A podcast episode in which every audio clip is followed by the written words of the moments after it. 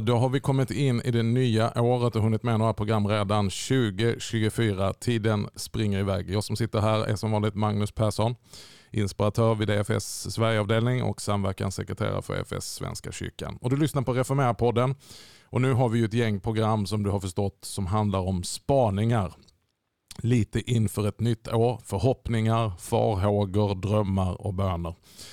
Och idag har jag med mig en ny gäst som vanligt. John Sakadeus ifrån Lund. Sa jag ditt efternamn rätt nu? Nej, det är, det är inte alla som sätter det. det snarare tvärtom. Men Sakredius är det. Sakredius. Ja, ja, ja. Det är inte lätt. Nära nog. Varmt välkommen John till Reformera-podden. Tack så jättemycket. John, du blev prästvigd i Lunds stift. Visst var det Lunds stift, eller hur? Juni Precis. 2022. Mm, ett och ett halvt år sedan nu. Just det. Så du har gjort ett pastorsadjunktsår i eh, vilken församling? I Genarp, två mil öster om Lund var det. Just det. Och numera så eh, arbetar du dels som teologisk sekreterare på Teofil, som du ska få berätta lite mer om, och har en tjänst också inom Credo, eller hur? Precis, så det är 60 på Credo och 40% på Teofil. Och Teofil är en teologiorganisation inom Credo. Så det. Det, de gifter sig väldigt bra tjänsterna. Här ska vi göra lite, lite spaningar utifrån ett eh, ungt perspektiv, inte minst med teologistudenter och eh, prästkandidater. Men John, berätta först för, själv om din egen story och din egen väg till prästvigning. Vem är du och hur kommer det sig att du blev präst i Svenska kyrkan? Mm. Ja, John Zacharias heter jag, kommer från Mora ursprungligen och eh, konfirmerades på Transtrand som Credos konfirmation. Credo har en fjällgård där uppe och eh, då började tron ta mer liv personligen för egen del. Sen så hade jag några tuffa år på gymnasiet, hade lite smärtproblematik och frågor om Gud och lidande eh, som jag brottades mycket med. Och eh, lämnade ett ett tag. Sen så började jag känna att, att lida eh, utan Gud var värre än att lida med Gud. Så jag började söka min, mina, mina rötter, min tro igen. Eh, och då så gick jag, eh, Credo hade en bibelskola som hette Credoakademin i Stockholm. Som jag gick eh, då ett år och som betyder jättemycket. Eh, Stefan Gustafsson bland annat var lärare och mycket apologetik. Eh, jag hade mycket, mycket tvivel och mycket förnufts eh, ja, mycket tankar med hur tro och förnuft hänger ihop. Så det betyder jättemycket. Och sen så kom jag ner till Lund och började läsa juridik. Mm. Eh, men sen var det en, en vän, eh, Erik Eriksson, som också är präst, som eh, bjöd med mig in till Teofil och fick mig på lite andra tankar. Eh, så det var gemenskapen här på Teofil med andra teologi och präststudenter som mitt prästkall började växa. Eh, och här så föddes en en gemensam längtan och vision om att få, få förkunna evangeliet och eh, ja, få bygga, bygga livskraftiga församlingar. Mm. Ehm, så lite min resa till prästvigningen varit. Berätta om din studietid i Lund. Eh, det finns ju mycket att säga om den, men, men eh, vad betyder teofil för dig under den studietiden? Mm. Det betytt, eh, jag brukar säga credo, utan credo så Kero hjälpte mig att liksom bevara sig tron och Teofil hjälpte mig till, till prästkallet. Mm. Så det är därför jag har de här känslorna. Jag känner en, en, en, stor längtan och glädje att få ge tillbaka eh, till det som betytt så mycket för mig. Vad fint Men, att, äh, att, du har landat där och arbetar med just Credo och Teofil nu idag som har betytt så mycket för dig personligen. Mm, verkligen. Och det, det tror jag att det sätt man kommer till tro eller det sätt som eh, som, som föder tro igen. Att, eh, det är ofta att man vill ge tillbaka och eh, ge vidare det man själv har fått. Så det känns väldigt, väldigt roligt. Men det betyder jättemycket. Universitetet, man, det är ingen, man går inte i en pressklass utan man läser individuella kurser. Och det kan bli lite ensamt under studietiden som teologistudent. I alla fall här i, i Lund där jag har studerat. Mm. Eh, kanske på andra orter. I Johannelund så tror jag man har lite mer klassgemenskap och så. Och där finns också det mer konventionella inbakat i, mm. i studietiden. Eh, men här på Teofil så har vi studieplatser, så jag satt där och studerade varje dag och umgicks då med, eh, med blivande eh, präster, som, vissa som jag prästvigdes med. Så vi följer varandra åt hela studietiden. Och den gemenskapen och att få uppbygga och stötta och be tillsammans eh, var avgörande för att jag till slut blev präst. Det ger ju bevisligen väldigt goda resultat. Jag vet ju att du är del av en generation, eller vad ska jag kalla det, ni var ju ett gäng unga som nu då är unga präster som är, i mina ögon är ett fantastiskt gäng som ger verkligen kyrkan hopp. Nu ska vi kanske inte namedroppa någon men det är ändå dina vänner. Men jag tänker på Erik Eriksson, jag tänker på Nygren, jag tänker på ni var ett helt gäng där. Eh, mm. och Det känns som att ni har byggt upp varandra och, och, och stöttat varandra eh, och eh, har blivit ett fantastiskt bidrag till Svenska kyrkan. Mm, tack så mycket. Jag, jag lyssnade på ett föredrag i höstas faktiskt av Anders Petter Sjöndin var det och han sa att 70 procent av alla präster och pastorer upplever att, att man inte har någon nära vän mm. och sånt där. Eh, och det blir ju, och det har jag tänkt på mycket när man, nu är jag kvar här i Lund så jag har ju många relationer kvar sina, men jag tänker på när jag flyttar till en ny ort så kommer man ju ut som, eller då kommer man ju dit som präst um, och att man blir känd som prästen. Att det då kan vara svårt att, att få nära, lite mer vanliga eh, vänskapsrelationer. Man bara stöttar och umgås för att man, man eh, tycker om varandra. Så jag är väldigt tacksam för, för studietiden och de, de vänner jag fick. Mm. Men du, det är ju hoppingivande att se att eh, det kommer nya härliga präster in i vår kyrka som är unga och har vision, längtan, välrotade i Guds ord. Eh, men jag möter ju också människor i min tjänst som jag stöter på lite eh, här och där som, som är prästkandidater eller som, som har avsikt att, att, att gå den vägen. Men som har också farhågor och, och frågor. Liksom, finns det en framtid? Ni signalerar att det finns en framtid, men känner du igen de frågeställningarna? Mm. Ja, verkligen. Ja, men det, det är mycket, jag har haft mycket diskussioner tillsammans eh, eh, liksom, är präst den väg man ska gå. Och, eh, dels en inre brottningskamp, mm. men också en, en brottningskamp. Eh, det kan finnas oro att, att liksom det administrativa i, i kyrkor, när man är som präst i lokalförsamling, att det kan ta för mycket plats. Eh, när man längtar efter, efter Jesus och gudstjänst, rikt gudstjänstliv och så. Så den, den brottningen finns. Mm. Eh, men eh, Eh, hoppet och glädjen och framtidstron är, är betydligt större. Det är, det, är små, det är små hinder i jämförelse med den, det hopp och den framtidstro som finns. Härligt att höra. Det, det, ger oss hopp att höra och det är ju det hoppet som vi vill tända med den här podden också. Att eh, det finns en underbar framtid för kyrkan och vi behöver bara ännu fler som vill gå in och ta sig an det uppdraget eh, istället för att eh, hamna vid sidan om och eh, eventuellt bara bli en kritiker eller eh, ge uttryck för hopplöshet.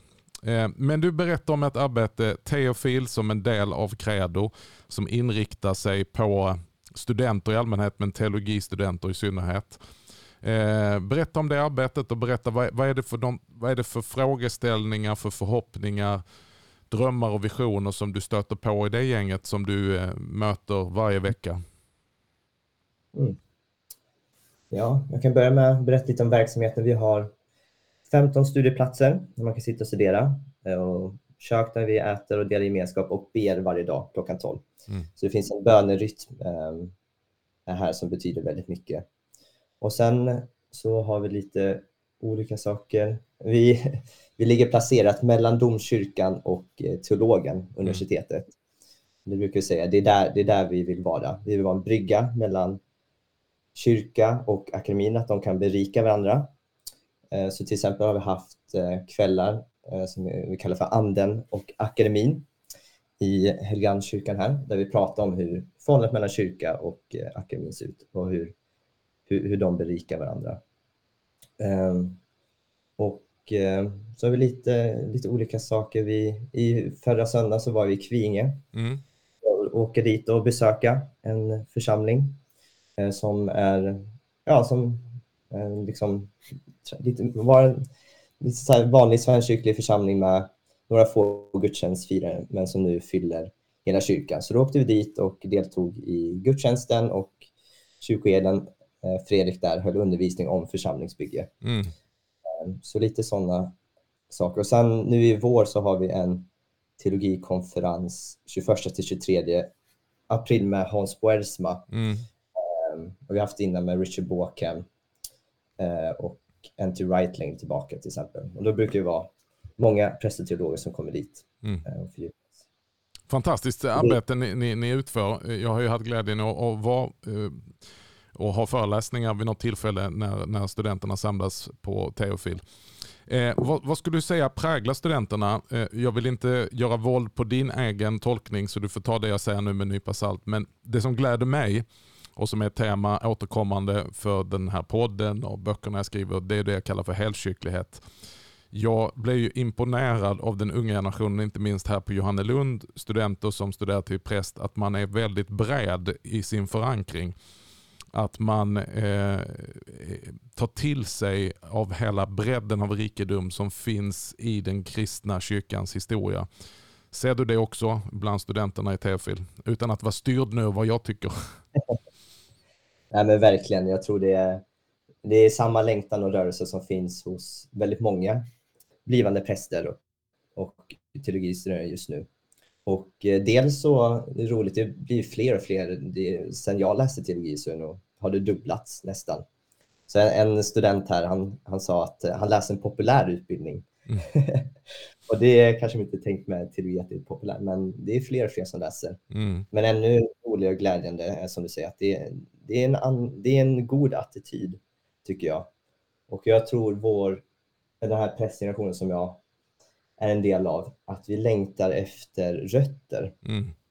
Längtar efter rötter och se helheten från olika kyrkotraditioner låta det berika oss. Och att vi tänker rätt konkret om, om kyrka och tro.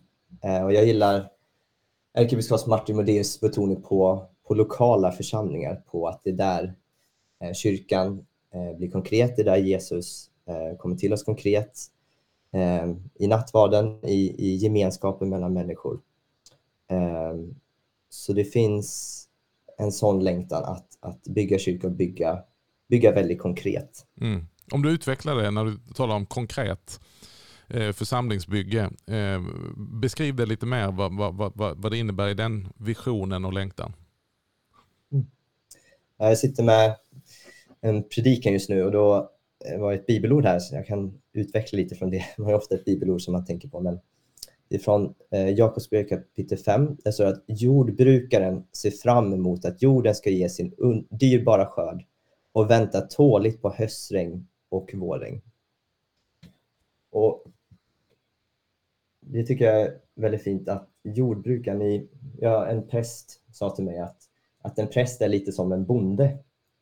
Eh, att man, man jobbar med växt eh, och en växt som man inte själv är beroende av. Bonden är ju beroende av väder och vind. Eh, prästen i församlingsbygget är beroende av, av Guds ande och så. Och att prästen ja, men får vara liksom som en bonde, lokalt närvarande, mm. nära sin, sin jord och skörd.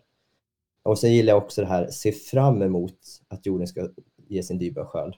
Och det tycker jag finns bland dagens teologistudenter. Det finns en, en framåtblick, en, en längtan framåt mot att eh, Gud ska fortsätta verka i vår kyrka och eh, bygga upp församlingen, att det är möjligt att, eh, att varje församling kan, kan eh, ja, men få liv i liksom gudstjänstliv och i gemenskap och övrigt. Mm. Så både framåtblicken och väntar tåligt. Mm. Um, att, att det tar tid, skörd och eh, bruken åker tar ju tid. Och så är det också med, med församlingsbygge. Eh, det tar tid.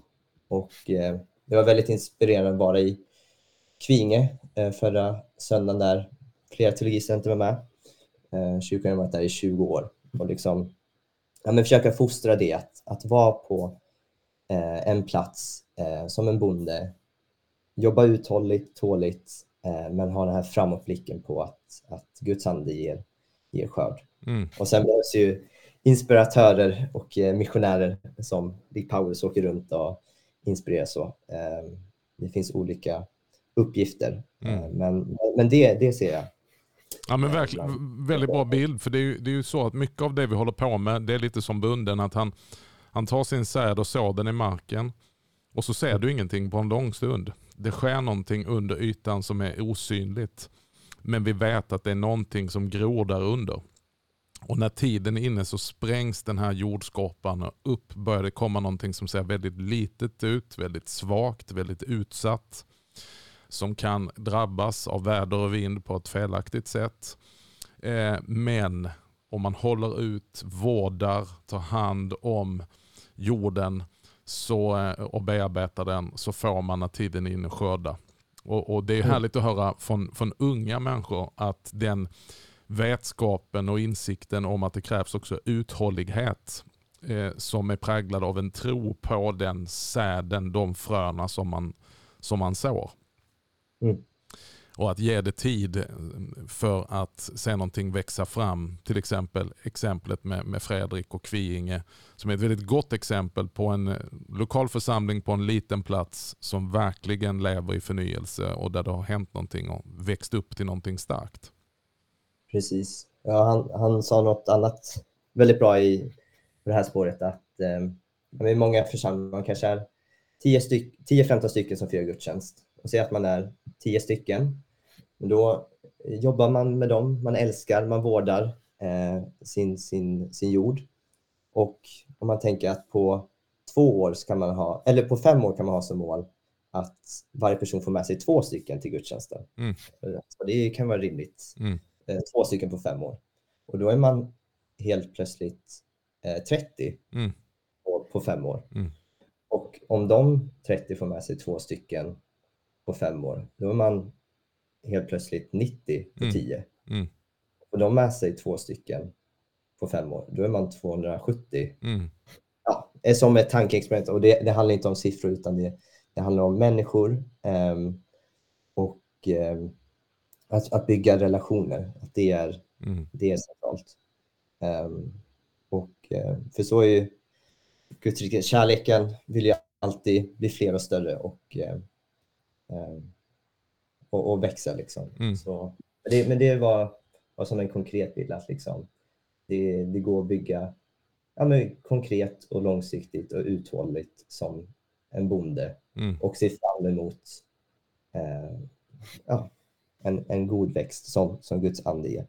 Men du John, eh, eh, du tillbringar nu din tid i Credo och Teofil eh, där du möter väldigt många unga och det, det är alltid samtal om eh, hur får vi tag i de unga? Hur, hur gör vi kyrkan eh, till en plats där, där, där, unga kan få utrymme, växa till och, och få helt enkelt fler unga människor till kyrkan? Det är ett konstant samtalsämne både i frikyrka och folkkyrka. Eh, jag ser bilder ibland från era credosamlingar. Det är hur mycket folk som helst samlade. Eh, era läger, era nationella satsningar samlar jättemycket folk. Du som har en sån bra kontakt och insikt med ungdomar, inte minst i ett svenskkyrkligt eh, evangeliskt lutherskt sammanhang.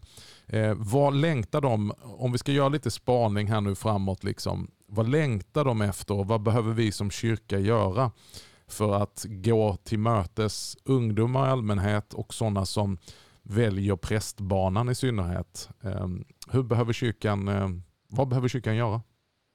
Och vad är det de längtar efter? Mm. Jag, jag, tror verkligen det bara är centrala gemenskap med Jesus och eh, gemenskap med varandra. Mm. Och det framförallt gemenskap med varandra tror jag är jätteviktigt att eh, en förståelse av kyrkan som, som relationell, som Guds folk, eh, som, som kommer samla, samman och samlas till, till gudstjänst. Och att eh, gudstjänst och liksom vardagsliv och re, eh, vänskapsrelationer eh, hänger samman.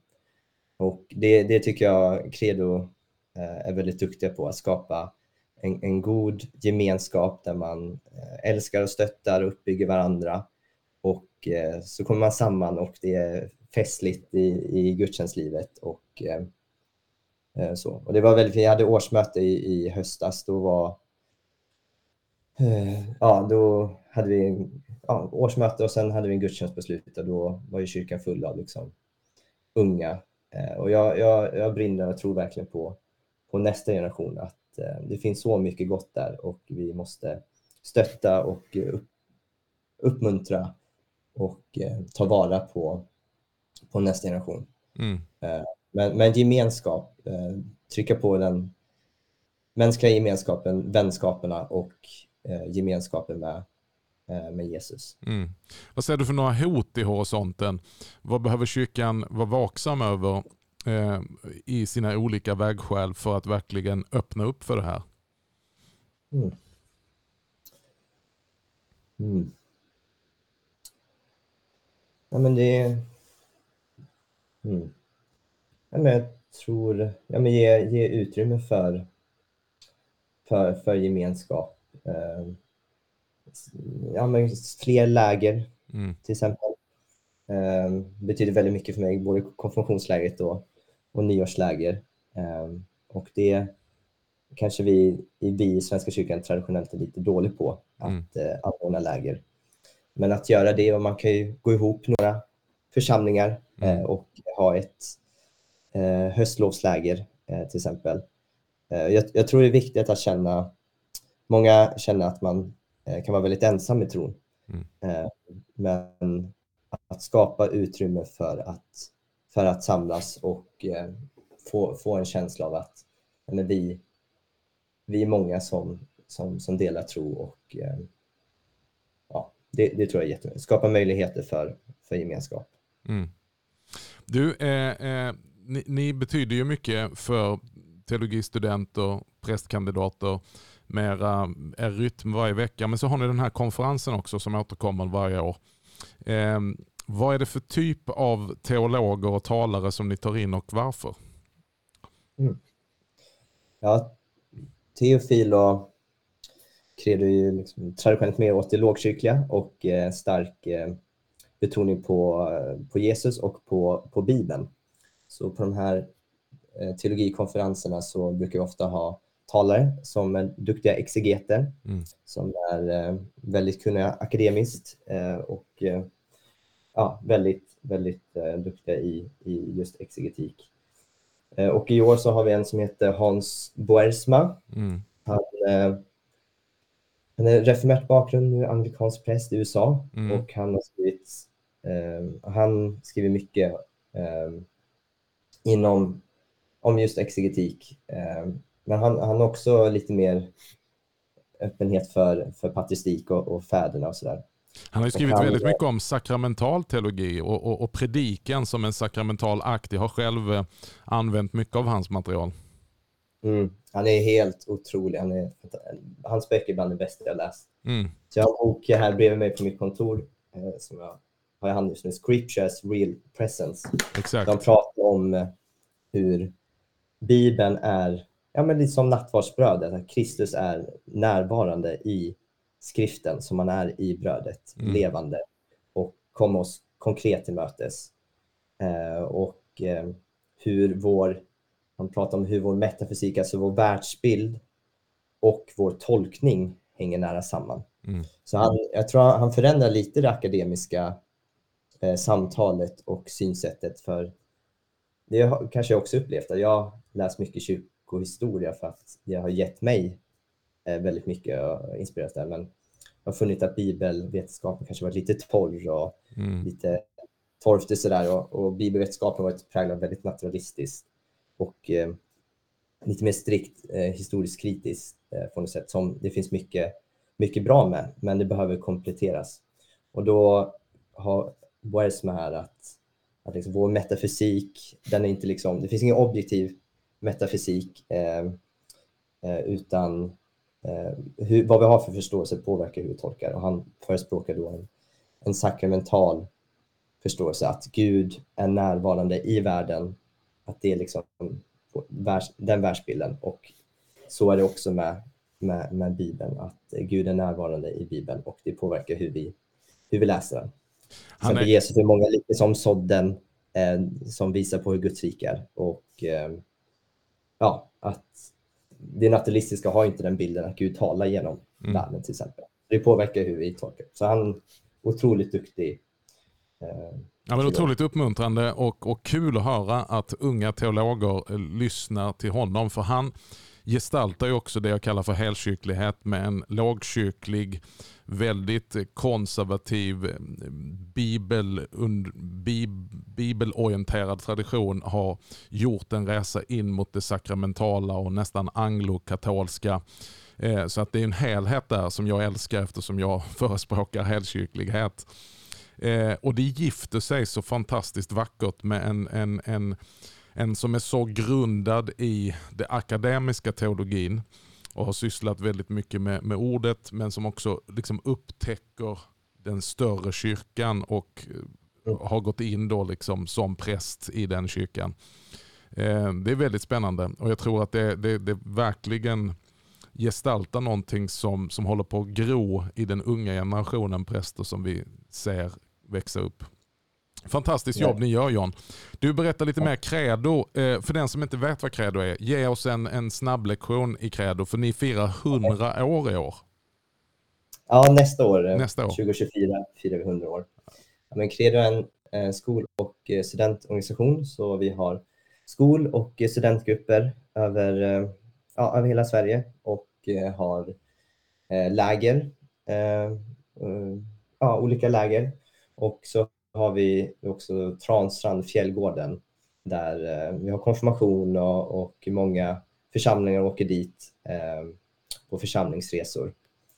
Eh, och så. och eh, det, det har varit väldigt roligt nu i, i tjänsten. Ja, när man kommer ut och så träffar man många, många äldre också som berättar väldigt varmt om vad Credo betytt för dem under deras eh, skol eller studietid och, och den gemenskap och och den förankring de fick i tron genom Credo.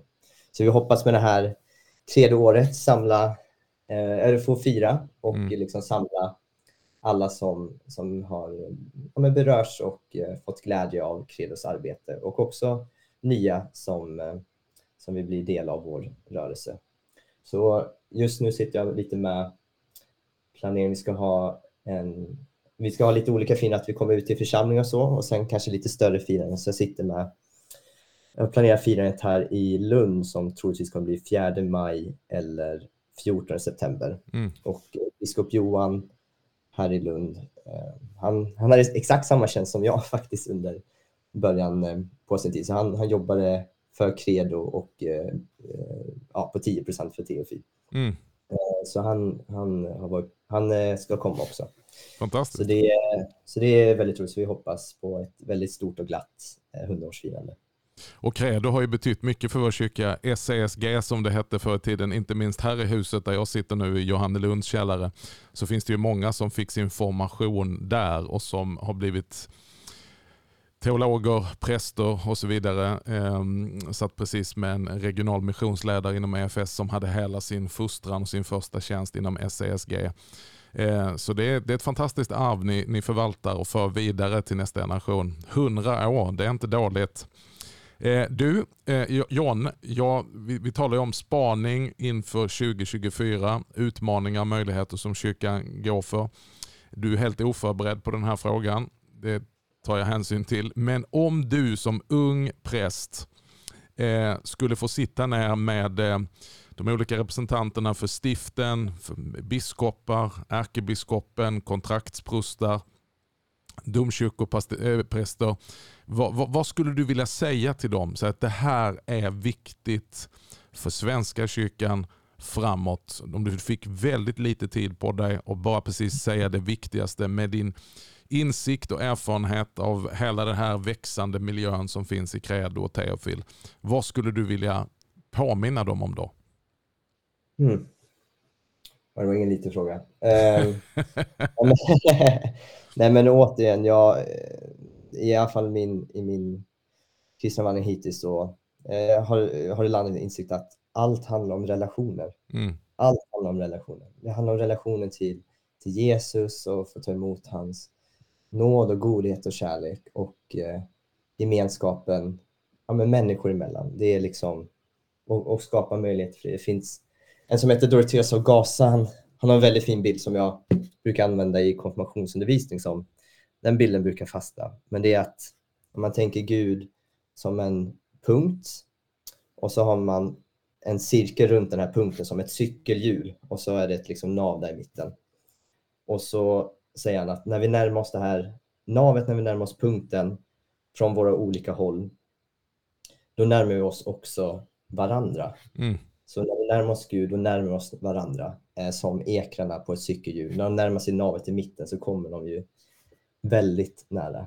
Eh, så en, en, en relationell förståelse av, av kyrkan och eh, det kristna livet. Eh, jätteviktigt. Och sen en annan, nu berättar jag mest kanske insikter som betyder mycket för mig, men jag tror, jag tror också det här med, det, jag tror jättehårt på det, ja, men på det som, det, he, det helkyrkliga och också något som landat i mitt liv, att man behöver inte spela ut saker och perspektiv i kristna tron mot varandra, utan mm. jag, jag tror vi kan ha, man kan ha hög syn på kyrkan, hög syn på Bibeln, hög syn på den kristna gemenskapen, hög syn på skapelsen. Eh, allting, man behöver inte spela ut lågt och högt Exakt. Eh, varandra, utan vi kan ha hög syn på, på allt som kristna. Eh, på, på människan och ja. Eh, så det, det hade jag velat förmedla, en, en relationell förståelse av, av tron och att det är det som kyrkan ska fokusera på. Det organisatoriska behövs absolut, eh, men det relationella i centrum och den här synen på att vi kan ha hög syn på, på allt. Vi behöver inte spela ut olika inriktningar och traditioner mot varandra, mm. utan vi, vi berikar varandra i Kristi kropp. Även relation där, på den, på den nivån helt enkelt. Att inte spela ut varandra som kontraster och motpoler utan söka närheten. Jag brukar citera, har gjort det hundra gånger i den här podden, var kardinal Aborelius som är eh, katolsk biskop i Stockholms stift och kardinal. Jag hade honom med här i podden och vi talade om eh, kom in på skiljelinjerna då mellan det evangelisk-lutherska och det romersk-katolska.